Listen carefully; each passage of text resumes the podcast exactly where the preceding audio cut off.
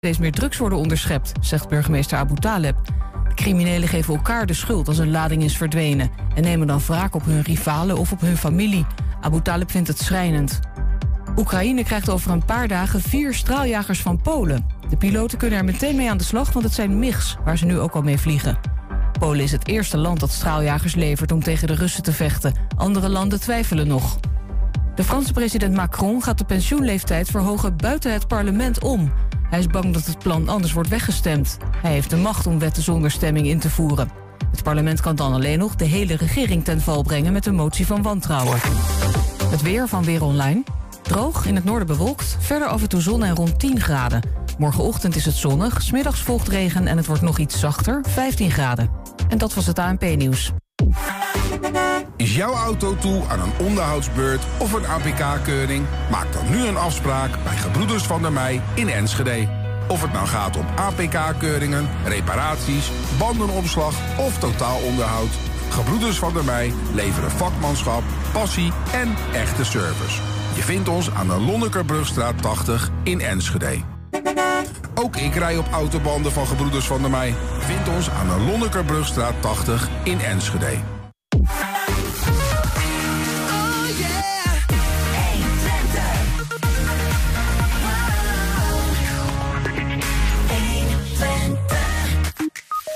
De rode stempotloden kunnen weer opgeborgen worden. De provinciale statenverkiezing van gisteravond bracht winnaars en verliezers. Collega Wilco Lauwers praat ons bij. Steeds meer commerciële bedrijven maken winst door proceskostenvergoeding, betaald van ons belastingsgeld. Damsteadvocaat Arion Timon praat ons zometeen bij. De stakingen vliegen je inmiddels om de oren. Na de stakingen van de bussen afgelopen dagen zijn nu de ziekenhuizen aan de beurt. Het eh, personeel in Enschede, Hengelo en Almelo doet mee. En een nieuwe editie van de Twents kwartierken met daarin aandacht voor erfgoed als inspiratie voor klimaatproblematiek. Het is donderdag, de day after, 16 maart. Dit is 120 vandaag. 120. 120 vandaag. Ja, het is de day after. Drie letters zetten Twente op hun kop. BBB in alle gemeenten. Ook in de rest van Overijssel, behalve in Zwolle en Staphorst... is de boer-burgerbeweging in één klap de grootste. Tientallen jaren was Overijssel een CDA-provincie, tot gisteren dus. En ik praat over die eh, historische verandering met collega Wilco Lauwers. Wilco, welkom. Hi. Eh, we waren gisteren beide op eh, die plek waar de klap gevoeld werd. Het provinciehuis in, in Zwolle. En dan, nou ja, dan is het eigenlijk zo'n dag, zo'n avond wachten op de eerste exit poll van de NOS over Overijssel. Die geeft een goed beeld. En nou ja, gewoon even kijken naar hoe dat in het provinciehuis eh, gevoeld werd toen die eraan kwam. Exact. Overijssel, wat doe jij? Hebt die lang verwacht geschreven? Ja, goed voor 47 zetels eh, daar. We schuiven op naar het oosten met alle ogen dus gericht op het CDA. En CDA Bolwerk jarenlang de grootste. Maar kijkt u mee van 17% naar 8,5. Een halvering exact voor die partij. Forum voor Democratie, ik stond er altijd erover. Nou, zeker een verlies. Ook hier zien we een enorme klap voor de partij van Thierry Baudet. Dan VVD van 12,9 naar Ja, van 12,9 eh, naar 8. Dus ook die verloren bijna 5. En eigenlijk ging dat de hele tijd daar zo door. Je hoort de, de, de, de, de zindering door de zaal gaan. Oh, oh, oh. En alle partijen, we hebben het misschien allemaal wel gezien, verloren zetels. En dan is de vraag, waar gaan die zetels dan naartoe? Nou, op een gegeven moment komt ze onderaan de lijst met partijen.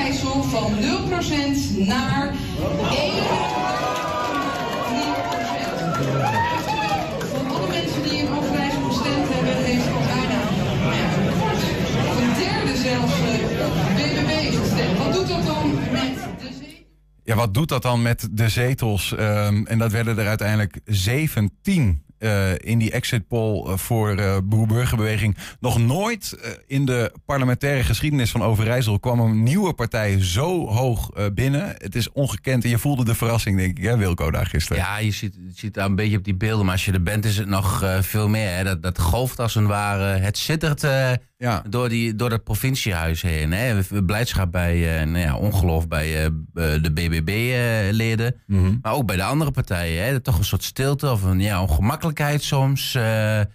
Ja, maar ieder, ieder, ja. het was een soort van gezamenlijk verliezen. Ja. Uh, iedereen ja. Eh, verloren. En dat is natuurlijk wel wat niemand eigenlijk, denk ik, verwacht had, bijna. Um, en, en ook de winst. ja, BBB heeft een keer genoemd, nou, misschien winnen we er 8, 9. Hè?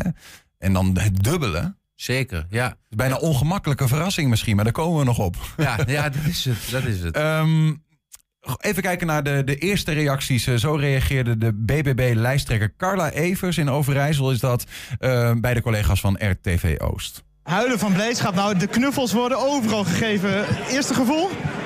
Ja, gigantisch. Gigantisch. Ja.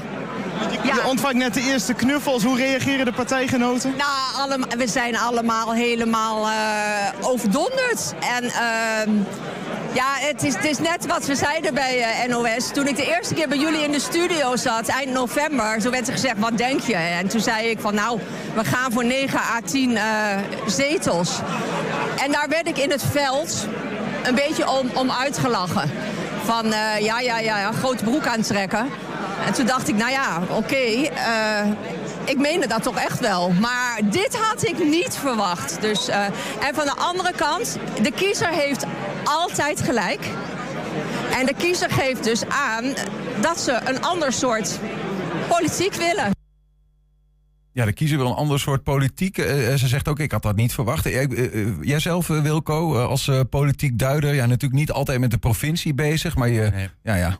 Je voelt het wel aan, hè. Kijk, absoluut. dat... dat Laat ik zeggen, ik had in mijn hoofd uh, zelfs zoiets van... BBB komt uh, mogelijk wel met 8, 9... Het zou misschien een keer 10 kunnen zijn, uh, zetels binnen, maar zoveel.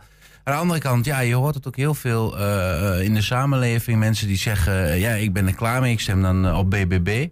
En uh, gisteren zelfs foto's van rijen bij, uh, uh, bij stembureaus. Ja, 200, een rij van 200 meter hoorde ik precies, iemand zeggen. Precies, en, en die, nou ja, goed, dan weet je ook wel, die rijen staan er niet om op Mark Rutte te stemmen waarschijnlijk. Ja, ja.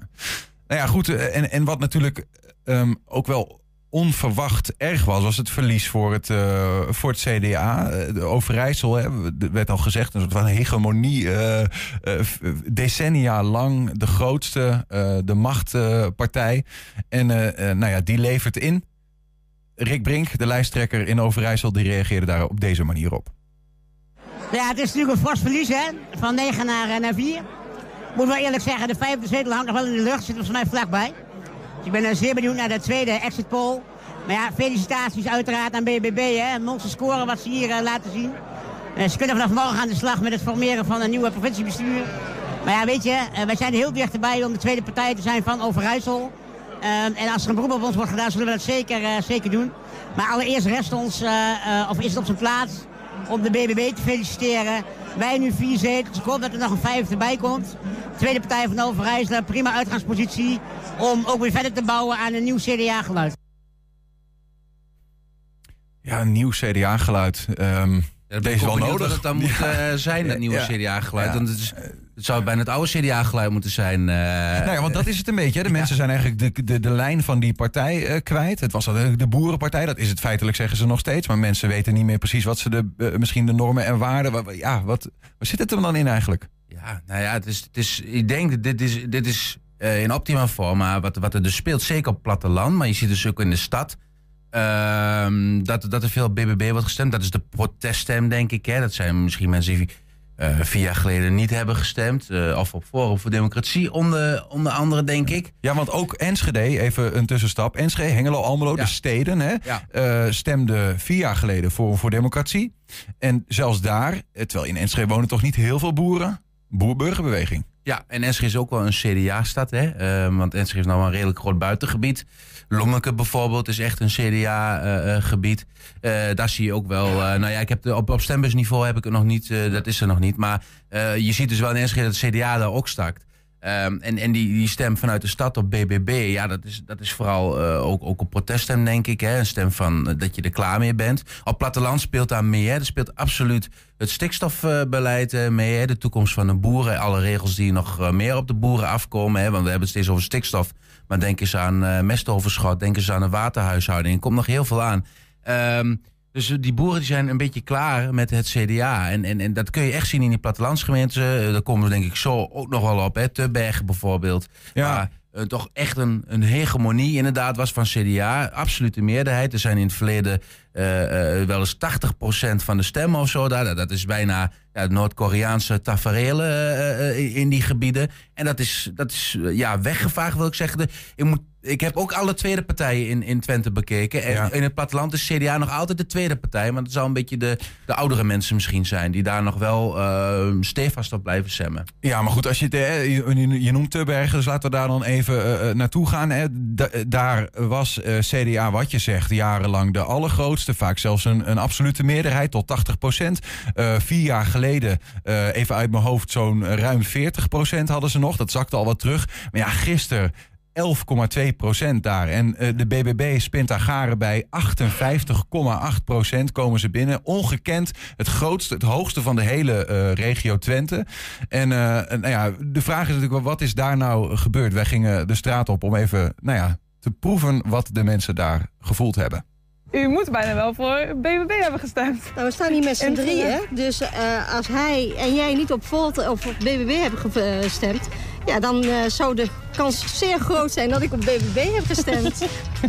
ja. Dat heb ik. Nee, helaas niet. Helaas niet. Ja, ja, het kan toch anders. Ik heb niet voor de BBB gestemd. Ze hebben natuurlijk wel een paar goede punten. Maar ehm, ik lees ook wel eens dat ze dus niet aan wetenschappelijke feiten houdt. Die gooit ze van tafel. Dat vind ik een beetje gemakzuchtig. De CDA was altijd heel groot. Is het voor het Nee. eerst dat u op BBB stemt? Ja, want de BBB is zelf nog niet zo'n hele eh, partij die zo lang eh, aanwezig is in de politiek. Dus ja, dit is wel de eerste keer. Oh, ik stem meestal CDA. Waar heeft u voor gestemd? Maar dat hou, ik- dat hou ik voor mezelf. Maar niet op BBB. Moment van gedachten veranderd. Eigenlijk alleen dat ik het overal lang niet eens ben met wat ze nu doen. En, ik denk van, eh, en wat de boerenpartij had. Dan denk ik van, dat komt dichtstbij. En dan stem ik daar maar op. Ik snap, ik snap ook dat mensen op BBB hebben gestemd. Ze willen die VVD en de CDA eruit hebben. En dat snap ik. Ik verwacht alleen dat, eh, dat de politiek wel het signaal door heeft gekregen dat de mensen in heel Nederland, want we zitten nu hier wel in Overijssel, maar praten over denk ik dat de hele tendens binnen Nederland, dat we gewoon zeer ontevreden zijn eh, dat er niet geluisterd wordt naar wat eigenlijk het volk wil. Hele grote zegen voor die partij. En nou maar hopen dat het stabiel blijft. Ja, dat is een goede analyse van die eh, meneer. Misschien gewoon eh, leuk om even te zien. Hè. Eh, wij waren niet het enige met het idee om even in Tubbergen te gaan, gaan kijken. Niet? Nee, eh, dat bleek dus. zelfs deze ploeg, een Belgische cameraploeg... eh, die afreisde naar Tubbergen, VRT-nieuws... voor het Belgische programma Ter Zaken met Bram van de Putten. Ja, maar de dis- discussie gaat in. Daarom zijn ze er zo. Die gaat in België nou ook spelen. Hè?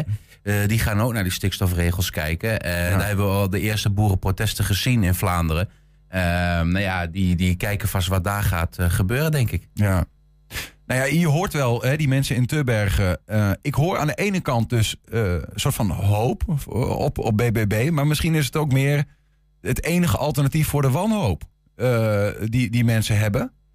Eh, aan de andere kant is eh, ja, het echte werk. eh, Je kunt hoop hebben, maar er begint nog wel een, een bepaalde ingewikkelde oefening nu. De, de, de, de echte uitdaging, hè? het is een mega winst, maar het wordt ook een mega uitdaging wa- wat, wat hun te wachten staat. Hè? Je, eh, en dat kan ik misschien het beste uitleggen aan de hand van een, van een zetelverdeling. Hè? Hoe ziet het provinciehuis eruit, die provinciale staten, hoe zijn die gevormd? Daar heb ik een, een plaatje van. Ehm, eh, daar, daar zijn 47 zitten er daarin. Hè? Ehm, dus je hebt er 25 nodig om een meerderheid te behalen. Nou, BBB heeft, heeft er 17. Ehm dan zou je zeggen, 17 van de 47, dan, is, dan ben je daar... Ja, dat is de telefoon die dat is de hierover gaat. telefoon? Ja, dit is... eh, sorry. een, een, eh, even eh, overnieuw. eh, dus dat is eh, 47 zetels. Mhm. Ehm, als je daar 17 van hebt, dan ben je al redelijk op weg naar de meerderheid. Dus heb je er nog maar acht nodig. Als je naar dit plaatje kijkt, ja, ik, weet- de kleuren, als je die niet eh, van elkaar af kunt houden, zeg maar, dan is het 17 stuks voor BBB, eh, CDA houdt er 4 over, VVD houdt er 4 over. Ehm, dan zit je op 25. Nou, zou je zeggen, meerderheid. Ja, want dat zijn drie van de eh, huidige vijf coalitiepartijen. Dus die zouden samen een coalitie kunnen gaan vormen. Ja, zeker. En, maar dan is het niet heel gebruikelijk dat je een, een coalitie vormt met een, een vrij minimale meerderheid. En zeker niet, zou ik in dit geval zeggen, ehm, met een partij die er nieuw inkomt en die 17 zetels heeft. Hè? Waar, waar ga je mee in zee eigenlijk? Hè, de, de, de, om het zo te zeggen, er staan 23 mensen op deze kieslijst. 17 ervan die gaan in die staten zitten. Ehm, dan zou je zeggen, oh, dat is toch ook nog genoeg? Ja, zou je zeggen. Maar vier van die 23, de onderste vier, zijn lijstduwers. Dat zijn mensen die, die laat- laten zich op een eh, lijst zetten. En die willen eigenlijk niet te vaak vanwege een naam en faam.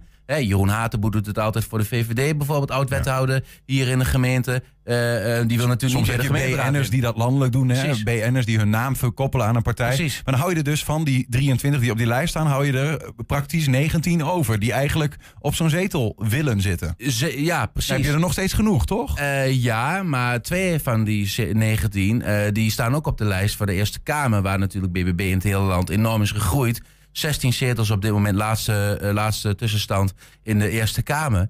Ehm, en dan komt eh, eh, eh, ehm, Ilona, dus moet ik goed zeggen, Ilo- Ilona Lagas is daar lijsttrekker.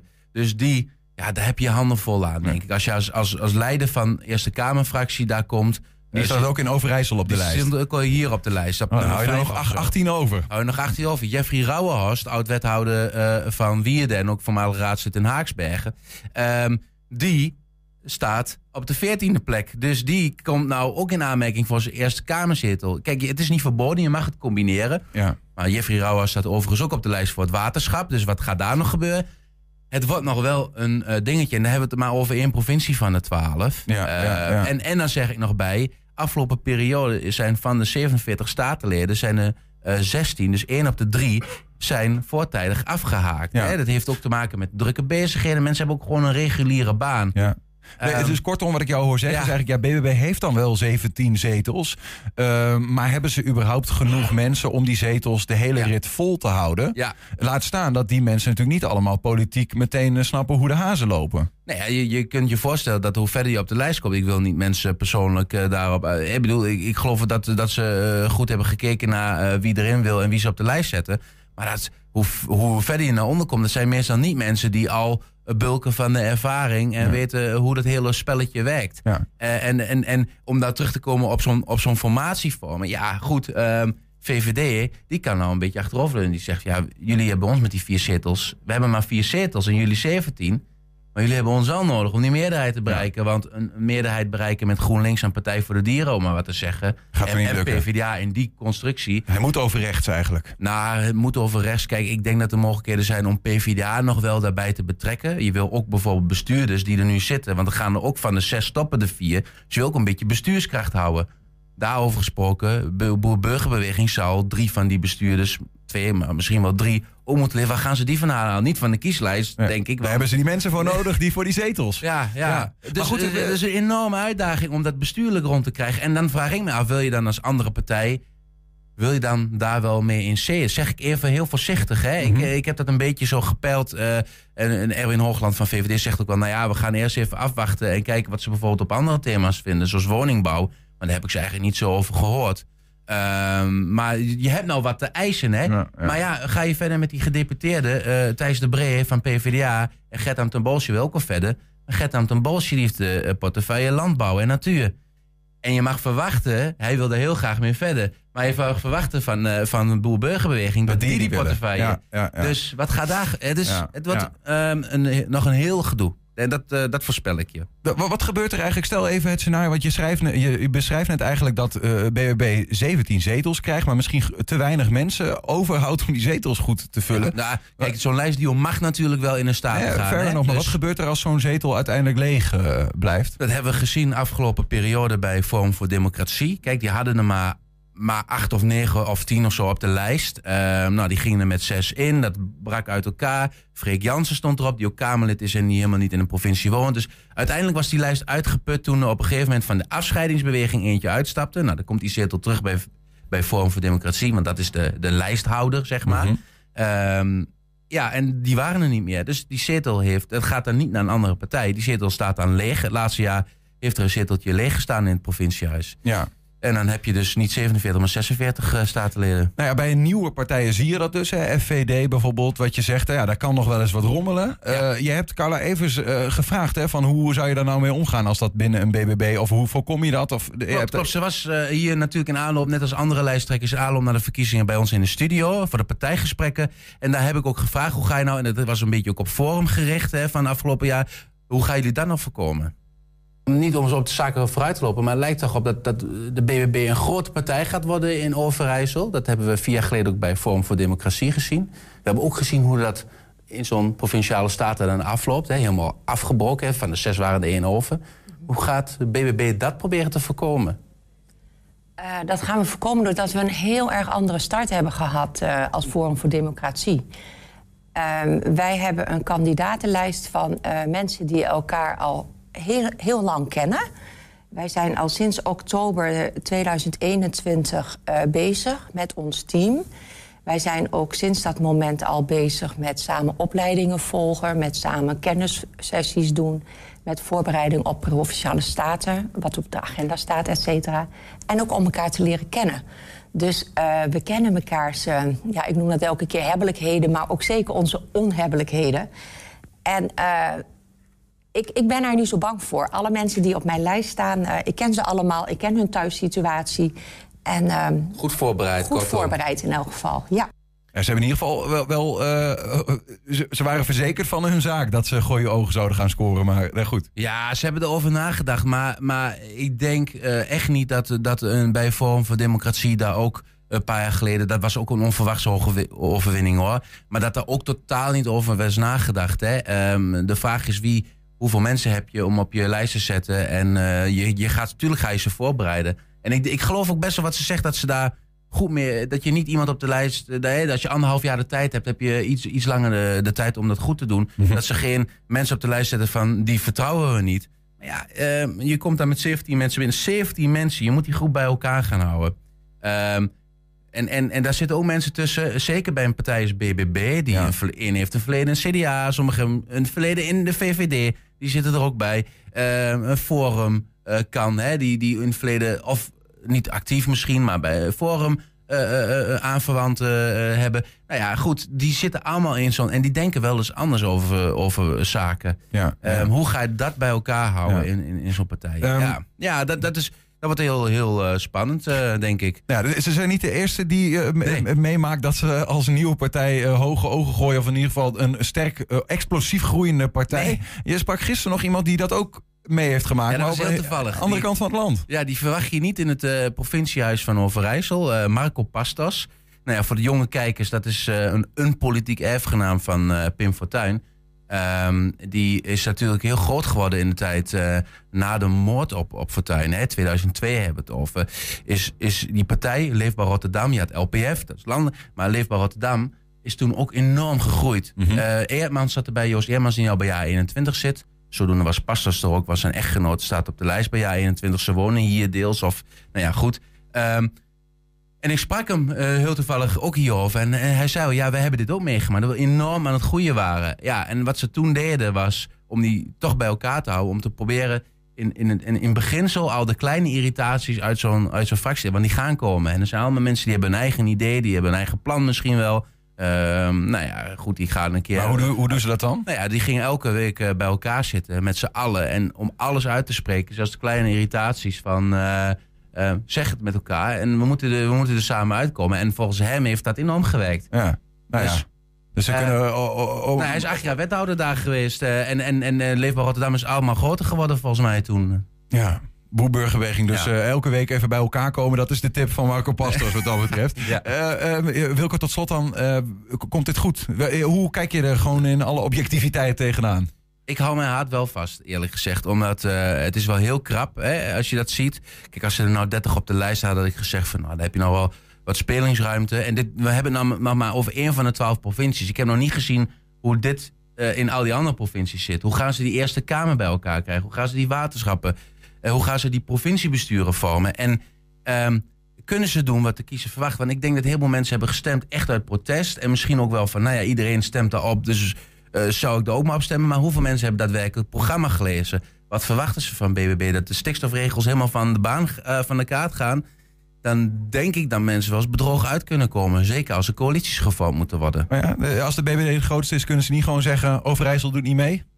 Met zoveel zetels? Nou ja, dan moet je daar nog wel andere partijen bij vinden die eh, dat ook zeggen. En, en daarmee krijg je geen meerderheid. Want ja, 21 en Forum en PVV, nou, dan kom je er net niet, denk ik. En dan is nog maar de vraag, wat gebeurt er dan? Eh, ehm, Stel dat ze wel als provincie, als meerderheid zeggen... we Ja, gaan niet meedoen. we doen helemaal niet mee. Dan komt er een En- burgeroorlog. Want dan zegt het Rijk op een gegeven moment... we willen wel. Nou, maar dat is dus Ik wil niet oproepen tot dingen, hè? laat het duidelijk zijn. Nee, dat moet je zeker niet doen. Maar eh, dat is dus het, het bijzondere in de Eerste Kamer. 75 zetels, die worden straks nog gekozen door alle statenleden van Nederland.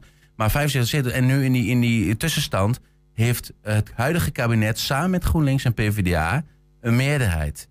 Ehm, dus VVD kan kiezen, ja, we, geven toe aan, ik zeg maar even VVD, maar CDA hoort er ook bij.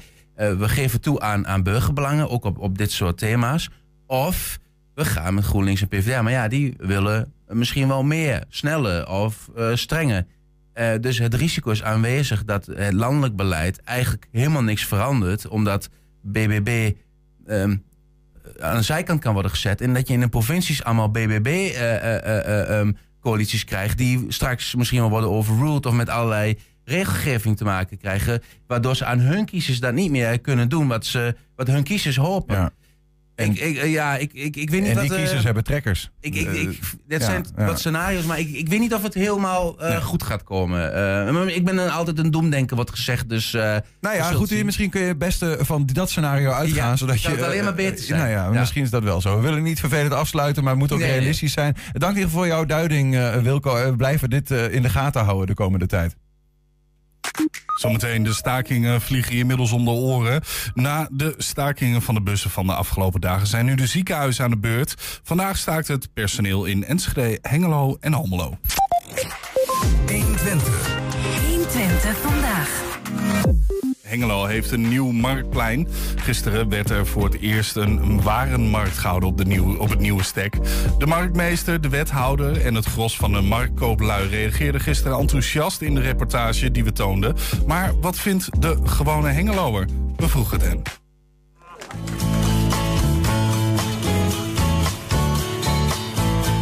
Wat vindt u van het nieuwe Marktplein?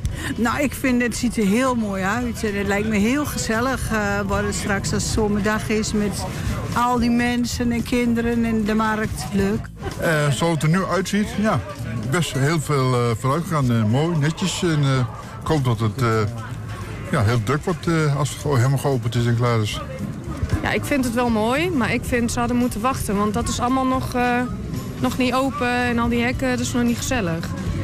Maar verder vind ik het er wel mooi uitzien, ook dit.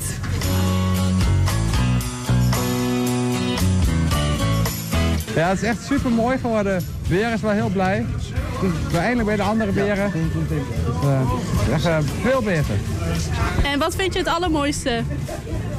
Ja, gewoon de gezelligheid weer in de stad. Gewoon de gezellige drukte, de kra- kramen weer leuk bij elkaar. En denk je dat er veel gebruik gaat, eh, gemaakt gaat worden van het eh, plein in het midden? Ja, ik denk het wel, want het nodigt wel uit. Wat vindt u er zo mooi aan? Nou, het groen en eh, eh, de, de, de zitplekken. Ik denk dat, ja, dat hier heel veel eh, gebruik van wordt gemaakt. Ja, dat vind ik helemaal fantastisch. Om het plein heen. Als je geen zin hebt, dan ga je even lekker zitten. En eh, ja, fantastisch. Op dit moment, het is nu de eerste keer dat ik kijk, dan denk ik van, eh, ja, ik vind het wel mooi dat ze met de rug naar elkaar toe staan, zodat de paarden breder worden. Dat vind ik wel een winst.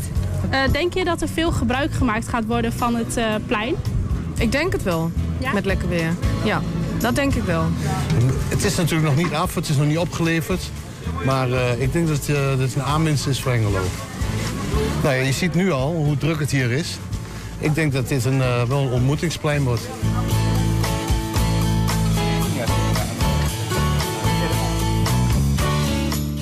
Ja, helemaal af is het werk nog niet. Pas over een maand. Op 15 en 16 april wordt het plein officieel teruggegeven aan de inwoners van Hengelo. Met een feestelijk openingsweekend vol activiteiten.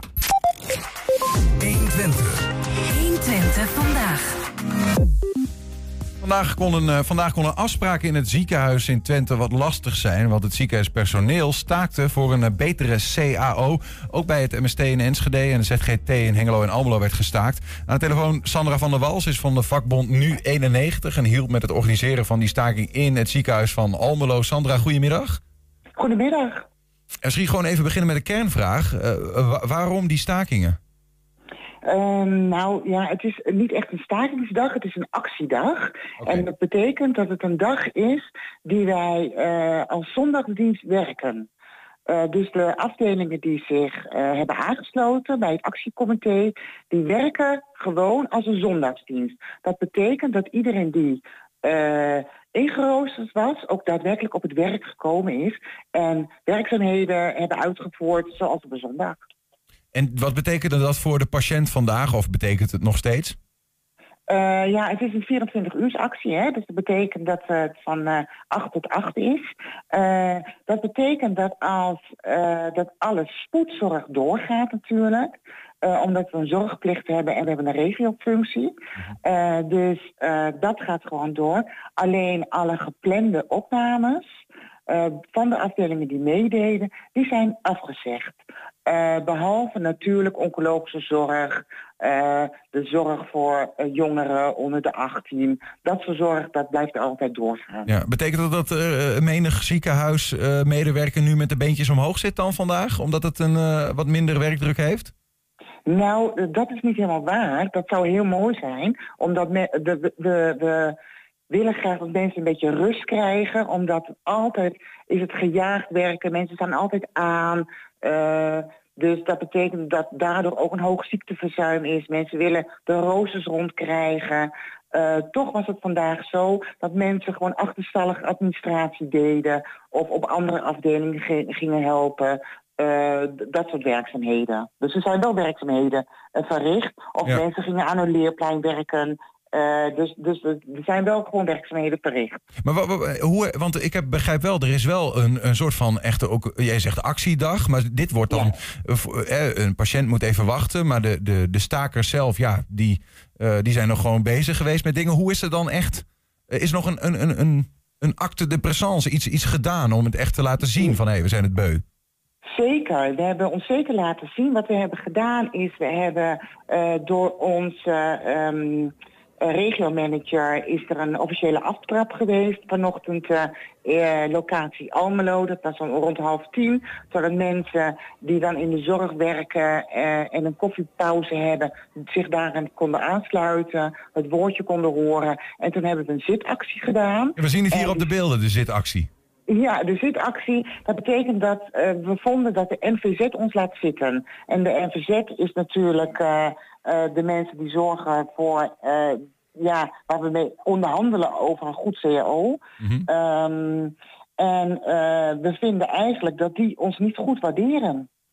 Dus de, de werkgevers moeten eh, eh, met, met meer geld komen. Maar ik hoor ook zorgen voor verlaging van de werkdruk. Dus er moeten op een of andere manier meer medewerkers bij. Ja, En die trek je niet zomaar uit een eh, blik soep open natuurlijk. Nee, nee, was dat maar waar. Want wat we zien is dat openstaande vacatures gewoon niet vervuld worden. Dat betekent dat, voor de, dat de werkdruk voor de overige medewerkers veel groter wordt. Omdat er gewoon een tekort aan personeel is. Maar wat, wat, wat, want ik neem aan, de werkgevers kunnen hier natuurlijk niet omheen. Hè, op landelijk niveau, ziekenhuispersoneel dat eh, eh, het werk nou ja, terugschroeft. Wat, wat zeggen ze Ja. erover? Eh, wat bedoel je dat, dat wat Nou, de, MVZ. De werkgever nou ja. in dit geval. Ja, precies. De werkgever, eh, ja, die komen met een loonbod waarvan wij zeggen, nou zo trek je geen personeel meer aan. Want iedereen weet dat de werkdruk in de zorg natuurlijk heel hoog is. Mensen werken onregelmatig. Ja. Eh, gaten moeten opgevuld worden. Jongere medewerkers die zeggen van, nou ja, eh, we gaan dit niet doen. We hebben een uitstroom. Of ze gaan naar, naar heel wat ander, ander werk zoeken. Of ze gaan bijvoorbeeld naar de academische ziekenhuizen die wel een betere loon, loon hebben. Ja, ja. Maar ik kan me ook voorstellen, tenminste, dat is wat ik dan van die zorgketen weet, is dat uiteindelijk de ziekenhuizen moeten toch ook hebben van het geld van de zorgverzekeraar, dat ik als patiënt uiteindelijk betaal. Dus betekent het niet gewoon dat, dat we als patiënten meer geld moeten gaan betalen om eh, jullie in de benen te kunnen houden? Maar als het goed is, heb jij je ziektekostenverzekering, is die al verhoogd? En wij hebben er nog niks bij. Ah, dus, Dus daar blijft dus- ergens geld plakken. De- Dus, dus, dus er is ergens een discrepantie daarin. Hmm. Eh, en eh, eigenlijk wil ik zeggen als zorgmedewerker, het maakt mij niet zoveel uit hoe de NVZ aan hun gelden komt. Het gaat mij om, ik wil gewoon gewaardeerd worden en mijn collega's voor de werkzaamheden die ik uitvoer. ja. En hoe dan mijn baas in dit geval, of de NVZ hè, in het geheel, aan zijn gelden komt, ja, dat is eigenlijk niet mijn probleem. Dat is dat wat ze moeten afspreken met zorgverzekeraars. Ja, helder. Het, eh, Sandra, tot slot, eh, als deze staking nou die je vandaag hebt gehouden... toch niet leidt tot eh, een betere afspraak met eh MVZ, met de werkgever... Ja. Wat, wat gebeurt er dan? Nou, waar we nu al mee bezig zijn, is ons eh, te beraden op een volgende actiedag. Ehm, dus daar gaan we sowieso mee bezig. Maar natuurlijk vinden we met z'n allen het allermooiste als de NVZ zegt van jongens en de bonden, jongens, we gaan weer met elkaar om tafel en we gaan kijken of we eruit komen. Dat is denk ik voor, voor iedereen het allerbeste. Duidelijk. Mocht dat niet lukken, dan gaan wij eh, een volgende dag plannen. Sandra van der Wal, dankjewel. Ja, geen dank. En succes met de Eh, actie nog. Ja hoor, geen dank. Succes met de uitzending. Zometeen een nieuwe editie van het Twents kwartiertje met daarin aandacht voor een erfgoeddeal voor een lossersproject. 120.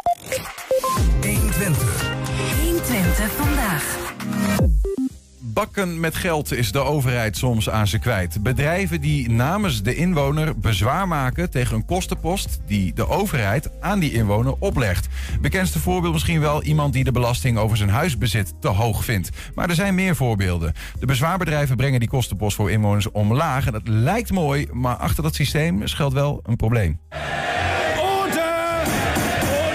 Rechtspraak met Damstee Advocaten. Arjon Tiemann, goedemiddag. Yes, goedemiddag. Ehm, wij horen op de radio eh, eh, reclames zelfs in deze tijd van eh, bedrijven die zeggen: hey, vind jij je belasting op je huis te hoog? naartoe, eh, heb ik hem gehoord. Ja, Ja, je hebt hem zelfs ik gehoord hier naartoe. gehoord, Nou ja. ja, die bedrijven zeggen: wij, wij helpen je. ja dat klopt.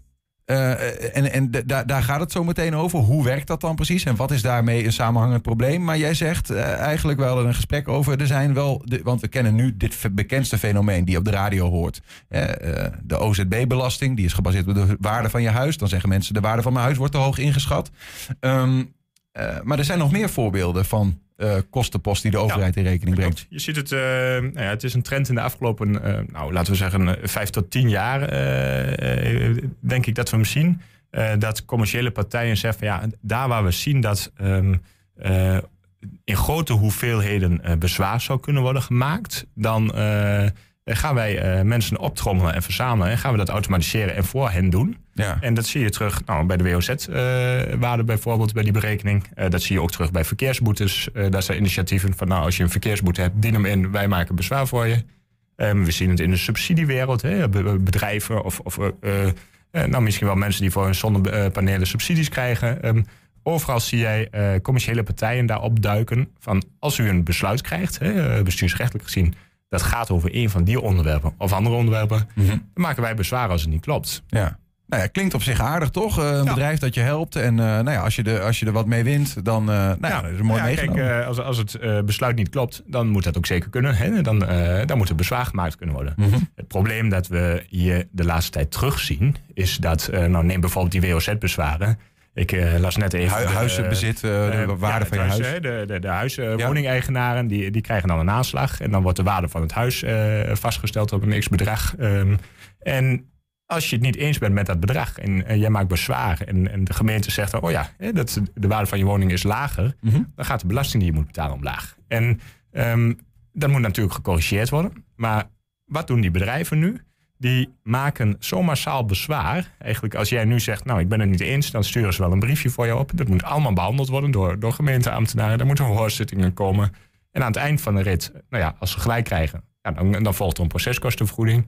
Ehm, maar dan hebben we het misschien maar over een tientje belasting wat je, dat je minder gaat betalen. Terwijl eh, de kosten voor de overheid, om dat allemaal af te handelen, enkele duizenden euro's kunnen zijn. Ja. En ehm, als wij kijken naar de statistieken, dus ehm, eh, van al die bezwaren die er worden ingediend, ongeveer de helft gebeurt door dit soort commerciële bureaus. En van al die bezwaren die zij indienen, is maar nou, iets minder dan 40% eh gegrond. Hè, dus 60% van die bezwaren wordt onnodig gemaakt. Ja, ja, En, ja. ja, En dan krijgt, krijgt dat bedrijfje geen proceskostenvergoeding in dit geval. Maar zijn, is de overheid nog steeds manuren kwijt Ja, bijvoorbeeld? want een, o- nee, een- een- een- de overheid moet dat wel serieus lezen. Hè? Die moet naar dat bezwaarschrift kijken. Die moet zich eh, kijken van nou, zit daar wat in? Is dit gegrond of niet? Die moet het toetsen. Ja. Die moet ook eh, een hoorzitting houden. Hè? Eh, als jij dat wilt als burger, dan kun je langskomen. Kun je je verhaal doen samen met jouw eh, gemachtigde dan. Ehm, en dat stukje, eh, ja, daar ben je, dat kost miljoenen en miljoenen euro's. Ja. Ehm, terwijl, nou ja, kijk jij naar de, de ehm, nou, van al die bezwaren die slagen, hè, dat is dus maar een heel klein gedeelte, hè, dat is minder dan de helft, ehm, is gemiddeld zo- zo'n 6, 7 procent van de woningwaarde gaat omlaag. En als je dat omrekent in de belasting die je moet betalen, dat is tientjeswerk. Hè, Tientjes. Dus, dus jij, eh, jij gaat eh, als burger enkele duizenden euro's aan kosten creëer je om zelf een aantal tientjes te besparen. En dat mag als je gelijk hebt.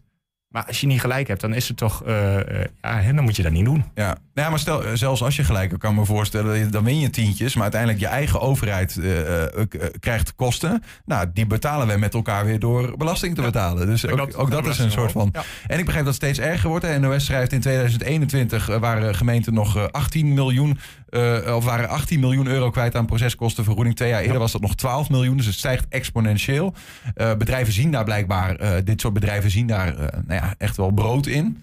En logisch ook, want die vergoeding is best wel hoog. En ik hoor je eigenlijk zeggen, ja, die kunnen dat bijna massaal indienen. Die hebben blijkbaar maniertjes om dat... een auto, automatisch systeem. Maar waarom is die vergoeding dan zo hoog, eh, als het zo makkelijk is? Nou ja, daar gaan dus geluiden op dat je die vergoeding eh, omlaag moet draaien. Hè, dat het minder winstgevend wordt. Ehm, daar ben ik het als advocaat niet mee eens. Hè, want iemand die eh, eh, eh, wel zo'n procedure terecht en op een goede manier doorwandelt, moet natuurlijk ook zijn kosten vergoed krijgen. En, en ehm, eh, het punt is dat hier het winstoogmerk van die bedrijven, dat, dat verhaalt het op die proceskostenvergoeding. Mhm. Ehm, en dat, en dat is ook wel even belangrijk, hè, want dat, we- dat moeten we niet uit het oog verliezen. Te- om, terwijl er alternatieven zijn. Je, heel veel gemeentes zeggen, als u nou niet eens bent met uw eh, nou, WOZ-beschikking bijvoorbeeld, bel ons dan even op. Dan kijken we even met u samen naar die beschikking. En als die niet klopt, kunnen we hem zelf wel aanpassen. En dan besparen we die kosten. Ehm, en als je het dan niet mee eens bent, maak dan zelf bezwaar. Of, of benader hè, een partij die eh, nou even goed eh, voor je kan beoordelen... eh, is het bezwaar gegrond of niet? Hè? Moet je dat wel gaan doen of niet? Ehm, ja, en ga je dan alsnog besluiten om bezwaar te maken, dan kan dat natuurlijk. Maar ehm, dan creëer je dus veel minder kosten... eh, dan als je het via die commerciële bureaus doet. En ook enkel wanneer dat nodig is. Ja, Toch, ik vind het wel interessant. Want je, dus, eh, eh, eigenlijk vragen de gemeenten nu van jongens, let op, dit kost ons heel veel geld. En het levert u misschien maar tientjes op. Eh, dus bel zelf. Want dan hebben we er minder werk aan. Waarom he- heeft de geme- eh, gemeente dan minder werk als ik zelf bel? eh, Dan wanneer een bezwaarbureau Omdat- dat doet? Omdat een. eh, kijk, als jij zelf zou bellen. ehm, eh, en dan hebben we het nog niet over bezwaar. Hè, dan gaat het gewoon even praktisch. Hè, en de ambtenaar neemt op en die zegt: Oh, jij bent het niet eens, ik kijk even met je mee. En dan kan de, gemeente uit zichzelf een nieuw besluit nemen. Ehm, dan, dan hebben we al die procedures niet. Dan hebben we Dan geen zit je nog bezwaarprocedure. voor die hele procedure die zoveel geld kost. Maar zodra jij bezwaar maakt, ehm, als je dat zelf doet, dan krijg je ook die vergoeding niet. Maar neem jij een professionele eh rechtsbijstandhulpverlener, hè, die dat eh, doet vanuit zijn vak, vanuit zijn beroep, ja, dan heb je recht op die vergoeding. En dat is precies waar die commerciële bureaus aanhaken. Die zeggen, we maken voor jou bezwaar.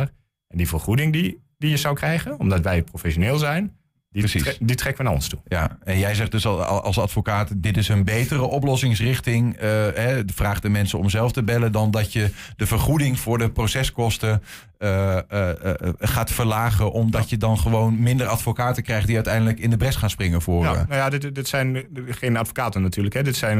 Pardon. ja, dat, ge dat geeft niet. Maar dat dacht ik. ik, kom, ja, ik kom heel hard, heel hard op je terug.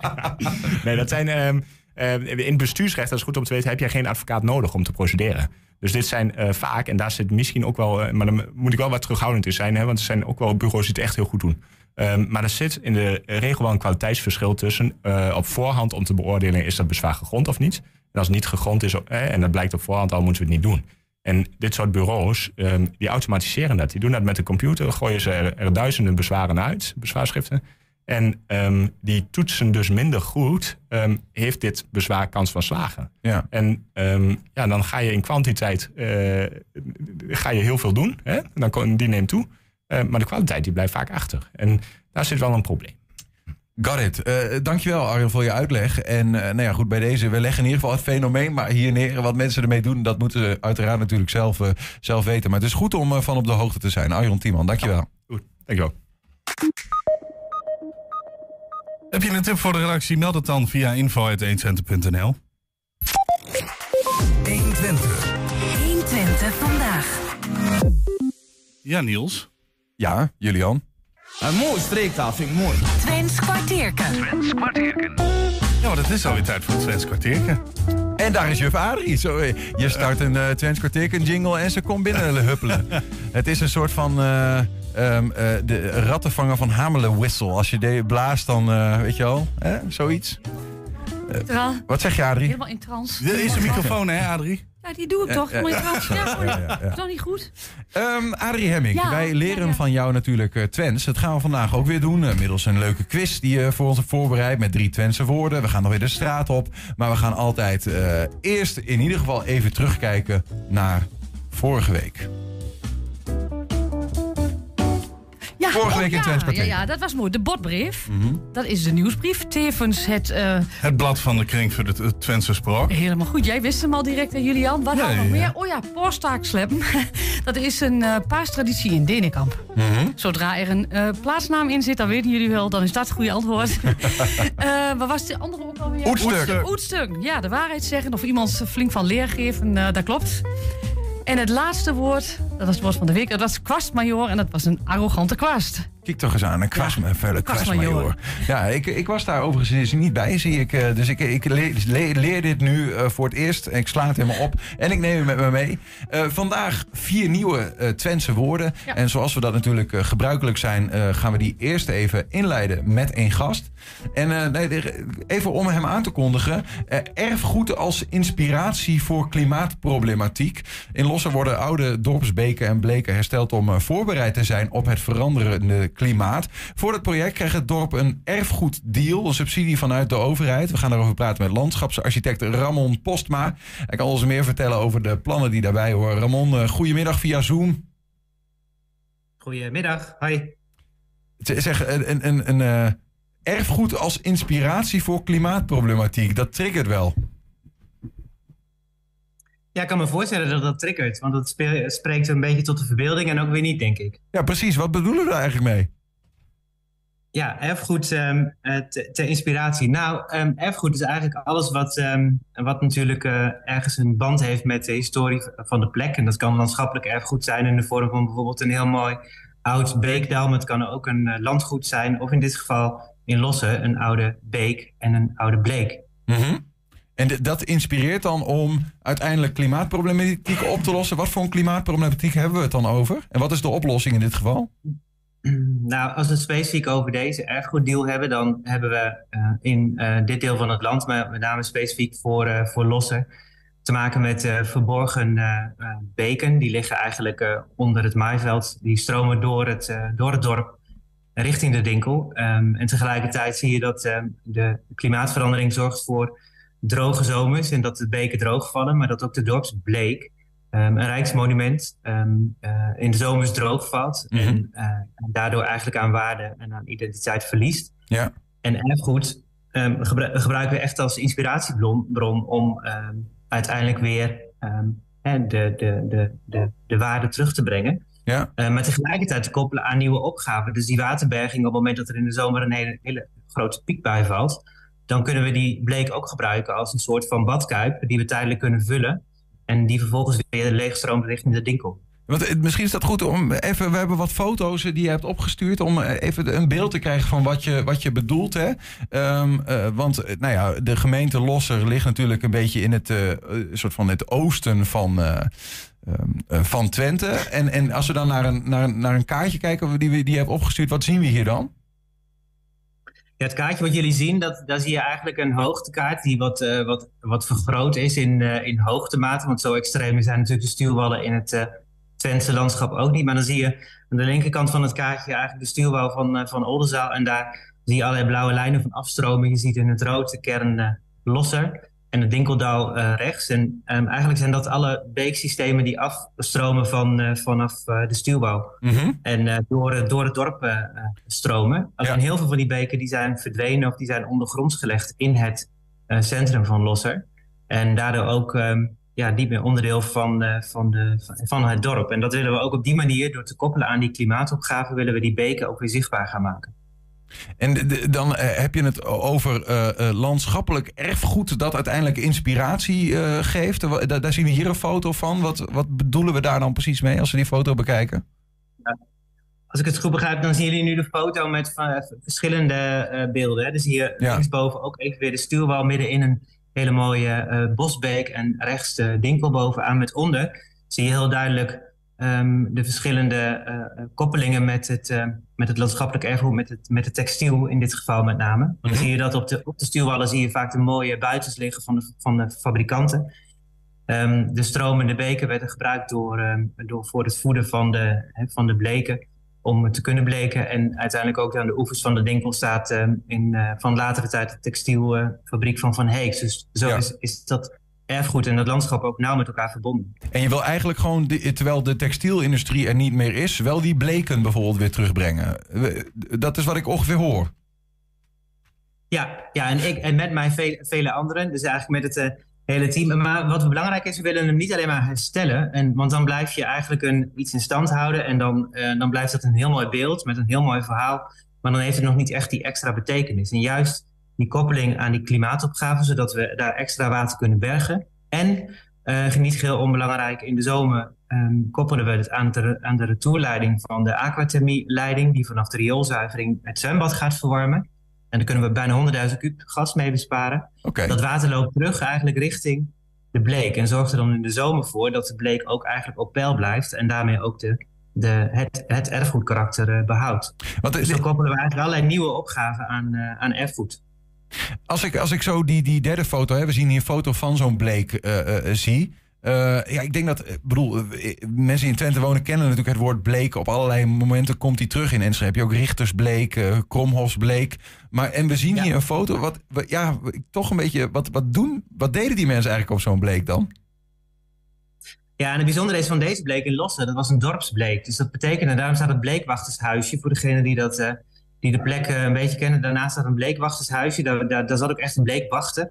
Want hier brachten de dorpelingen zeg maar, ook hun eigen eh, linnengoed om te bleken. En dat bleken was eigenlijk onder invloed van zonlicht ehm, en nog wel wat meer handelingen en, en, en, en, en, eh, en stoffen. Maar in ieder geval onder invloed van zonlicht en het continu nat maken van het linnen, eh, werd, dat, ehm, werd dat gebleekt. En, en werd uiteindelijk het linnengoed wit door de zon. En dat kon er een aantal weken overheen gaan in het jaar. En daar werden die grasvlakjes, zeg maar die weides, die werden daarvoor gebruikt. Die, die, die beekvelden, bleekvelden. Ja, ja, bleek is dus gewoon letterlijk het woord bleek van wit.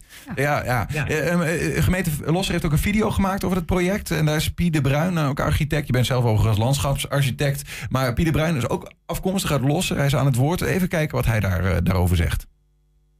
Je zou het zo kunnen samenvatten dat de toekomst in het erfgoed zit.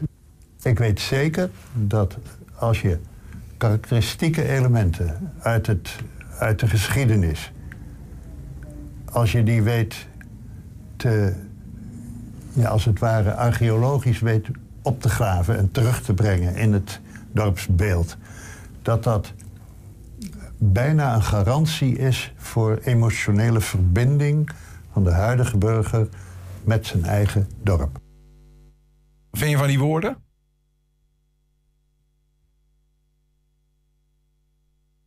Ramon? Ja, sorry. Oh, sorry. weg. Ja, nee, sorry. Even- even- We, horen Pie de Bruin zeggen, het is toch voor een emotionele verbinding van de mensen die nu leven en de mensen die in die textieltijd leefden. Hoe, eh, ja, heb, je, heb jij daar nog iets mee of ben jij vooral eh, bezig met het praktische aspect ervan? Nee, want ik denk dat ehm, het is beide, denk ik. In dit geval, Pi eh, beschrijft heel mooi dat die, die identiteit en die verbinding met, ehm, met het verleden, eh, dat het ook in dit geval voor losse enorm van betekenis kan zijn om, het- om, de, om de, de identiteit van het dorp eh, ook te versterken.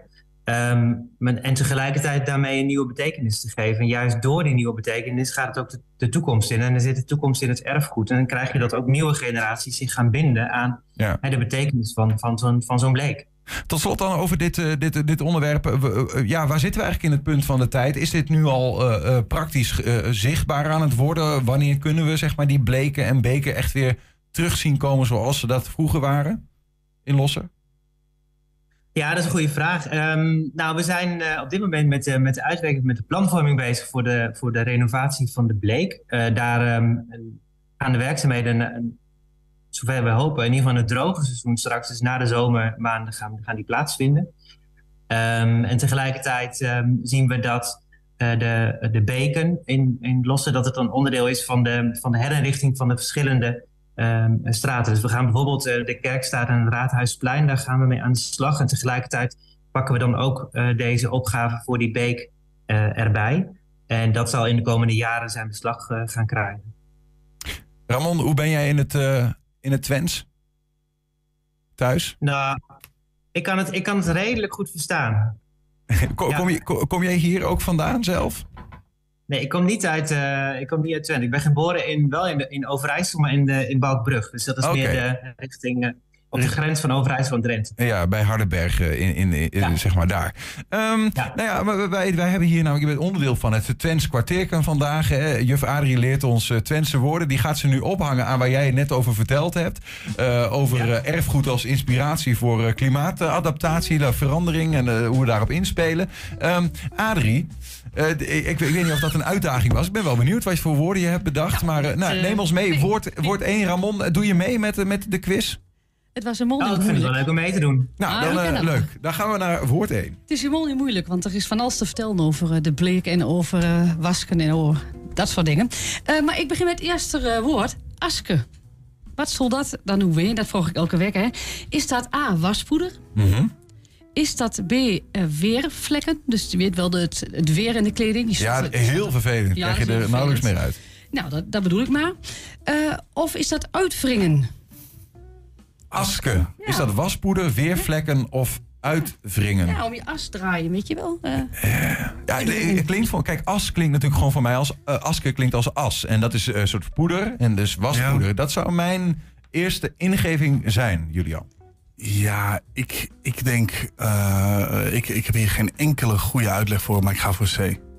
Jij gaat voor uitwringen. Ramon, wat denk jij? Ja, ik denk dat ook. Ja, en dat heeft ook wel te maken met op een of andere manier, eh voor mij wie een losse heb je de gaffeleske. En op, er zit ook een of andere stok, dus daar zit ook, eh, daar zit ook ergens die beweging in die, eh, in die vertanding of zo. Ergens heb ik die associatie, maar goed. Maar, ben wa- benieuwd. maar, maar, maar wat denk je ook dat het, dat het waspoeder is of uitwringen? Nee, uitwringen. zeker. Uitwringen, ja. Oké. Nou, jullie gaan voor uitwringen, ik ga voor waspoeder. Nou, dat zien we. We vullen waspoeder in. Want zo werkt dat op een manier in deze quiz. Ehm, maar eh Adrie, eh, we- ik weet niet, kunnen we hem invullen? Dan, eh, en vertel het bij deze. Nou, ik eh, kan jullie eh eh uit de drum helpen. Het is A, het is waspoeder. ja, want, want dat heeft erin. eh vroeger, dat is, heeft te maken met het bleekproces. Voordat je ging bleken op de bleek, ging je het eerst logen en daar gebruiken ze as voor. Ik, Dat is mijn verklo- verklaring Oké, ervoor, maar ik weet eigenlijk wel zeker. Oh, Dus ehm is waspoeder. Dus as eh, kun je ook gewoon in je wasmachine stoppen? Nou, dat zou Oh. ik even niet doen. Miele, er is geen beter. Lijkt me dan. dat lijkt me niet meer op te gaan. Dan. Oh, dat mag je niet zeggen, hè? Ja, we noemen ook andere Siemens. heeft ook een hele goede wasmachine. Ook. Ehm, we gaan naar woord 2. Oh god, ik kan wel weer uit de studio. Eh Heeft Siemens eigen wasmachine? Weet ik niet. Gaan verder, Adrie. eh piermotterig. Ja? Ja? Is dat, is dat een weerfout? Mhm. Is dat langdradig? Of is dat eh blikjes? Piermotterig, weeffout, langdradig of bleekjes? Ik denk dat het bleekjes is. Ja, dat zo klinkt dat voor mij ook. Ja, nee, want oh, je ziet er wat piermotterig uit. Ja, dat, zo klinkt dat wel. Ja, Ja, het klinkt als, als iets wat je zegt. Dus het, het klinkt ook niet antwoord- als een weeffout. Het is motter, piermotterig is een soort Nee, van bijwoord. Het piermotterig klinkt is als, bleekjes. eh, als, als een bijwoord. Langdradig zou ook nog kunnen. Nee, joh. Maar ik, ik denk toch ook wel... Want, want hoe, wil, hoe wil je piermotterig in een zin gebruiken waar je ook langdradig in zou? Den, den boek is piermotterig? Nee, dat kan niet. Ja. Ehm, ja, ik, eh, eh, Ramon, ik, ik wil je nog wel... eh, heb, je, heb je een andere mening of zit je er ook zo in? Nee, nee, nee, ik ben, ik ben het ermee eens. Want het- wat, wat zie je de pieren goed? Dat is ook wel zo'n term.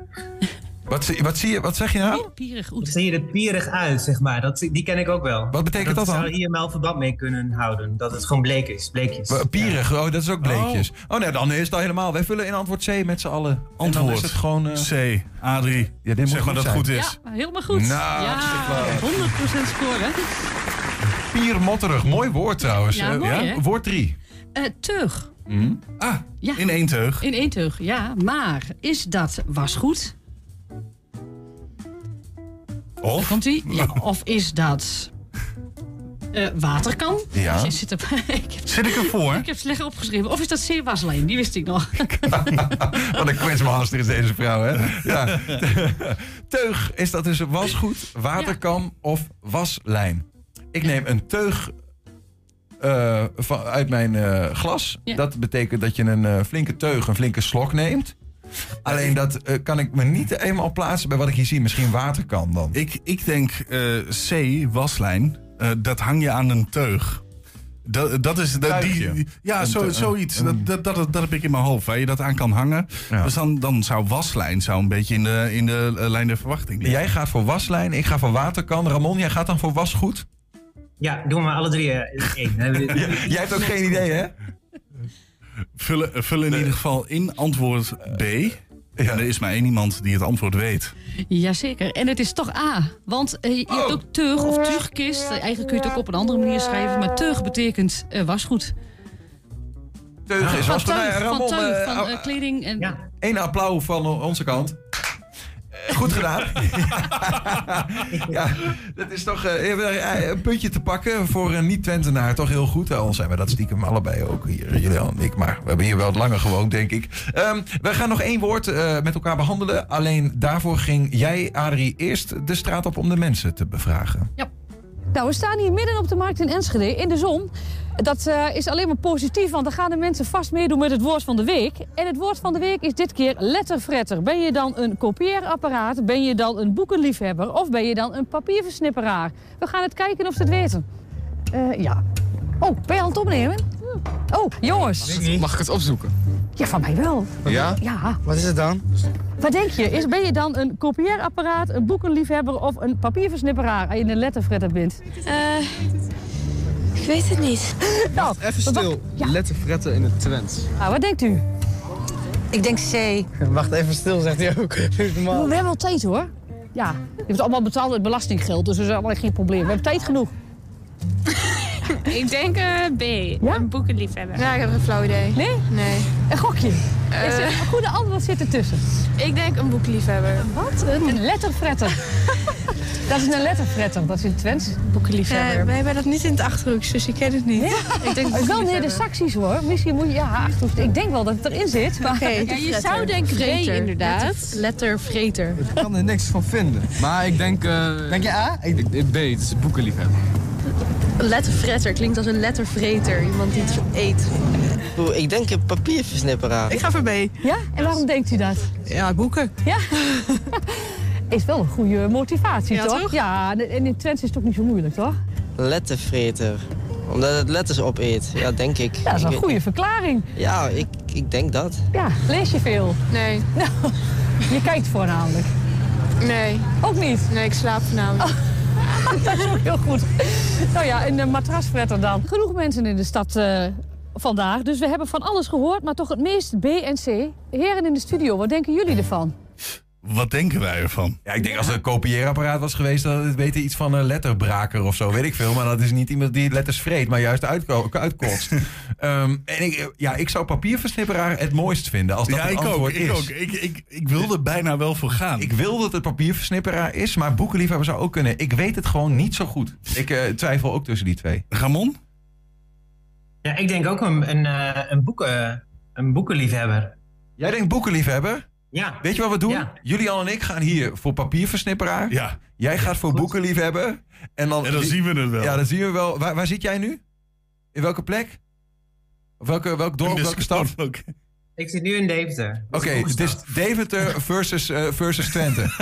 Ehm, En dan gaan we eens even kijken. Wij, vullen in antwoord papierversnipperaar. Letterfretter is papierversnipperaar. Maar Adrie gaat ons eh, in de video het goede antwoord geven. Nou, het goede antwoord is B. Als je een bent, dan ben je een boekenliefhebber. Sorry, ik zeg- sorry, ik zeg- ik sorry zeg- Twente, dat wij hier Ik vertegenwoordigen. Oh. Ja, dit is eh, ja, Deventer. eh, nou ja, gut. ehm, ja, het, we verhuizen Twentse taal maar ook maar naar jullie toe, denk ik dan. Maar eh, Ja. aanstaande za- of zaterdag 25 maart is dus de publieksdag Mhm. van de erfgoeddeal Beken en Bleken. Dat is wel even leuk voor de mensen om te weten. Dat ze dan kunnen eh, aanhaken bij Erfgoed Kraasgenberg om 11 uur. Oké, en wanneer, wanneer nog één keer? 25 maart, 25. zaterdag, met allerlei excursies van 11 tot, tot 3. Moeten ze zich wel opgeven via Ja. de website. Eh, Zoek het even op, Google. Beken ja, en bleken het is, lossen. eh, het is ehm, toegankelijk voor iedereen, dus het is, het is kosteloos. Bij deze. Eh, Ramon Posma, dankjewel voor het meedoen. Dankjewel ook voor je uitleg over dit eh, nee, bijzondere project... waarin de geschiedenis A terug wordt gehaald... en B losser klaar wordt gemaakt voor een eh, klimaat, een ander klimaat in de toekomst. Dankjewel. Daarmee zijn we ook aan het einde Adrie ook bedankt, gekomen. Eh, ja, Adrie, jij ook hartstikke bedankt. Tot Bijna volgende week. Eh, direct eh, terug te zien om 8 en 10 uur. Maar je kan ook direct naar YouTube, 120.nl. Eh, kun je het ook terugzien. Wij zeggen in ieder geval... Wij gaan naar het bier. Ja, dat dacht ik al. En tot morgen. 120. Weet wat er speelt in Twente. Met nu het nieuws van 5 uur. Ik ben René Postma. Ook in Zuid-Holland is de Boer-Burgerbeweging de grootste partij geworden, blijkt uit de voorlopige uitslag van de verkiezingen. In de meeste provincies is die nu bekend en overal is BBB de winnaar. CDA-leider Hoekstra noemt de uitslag een daverende oorvijg. Zijn partij is samen met Forum de grootste verliezer.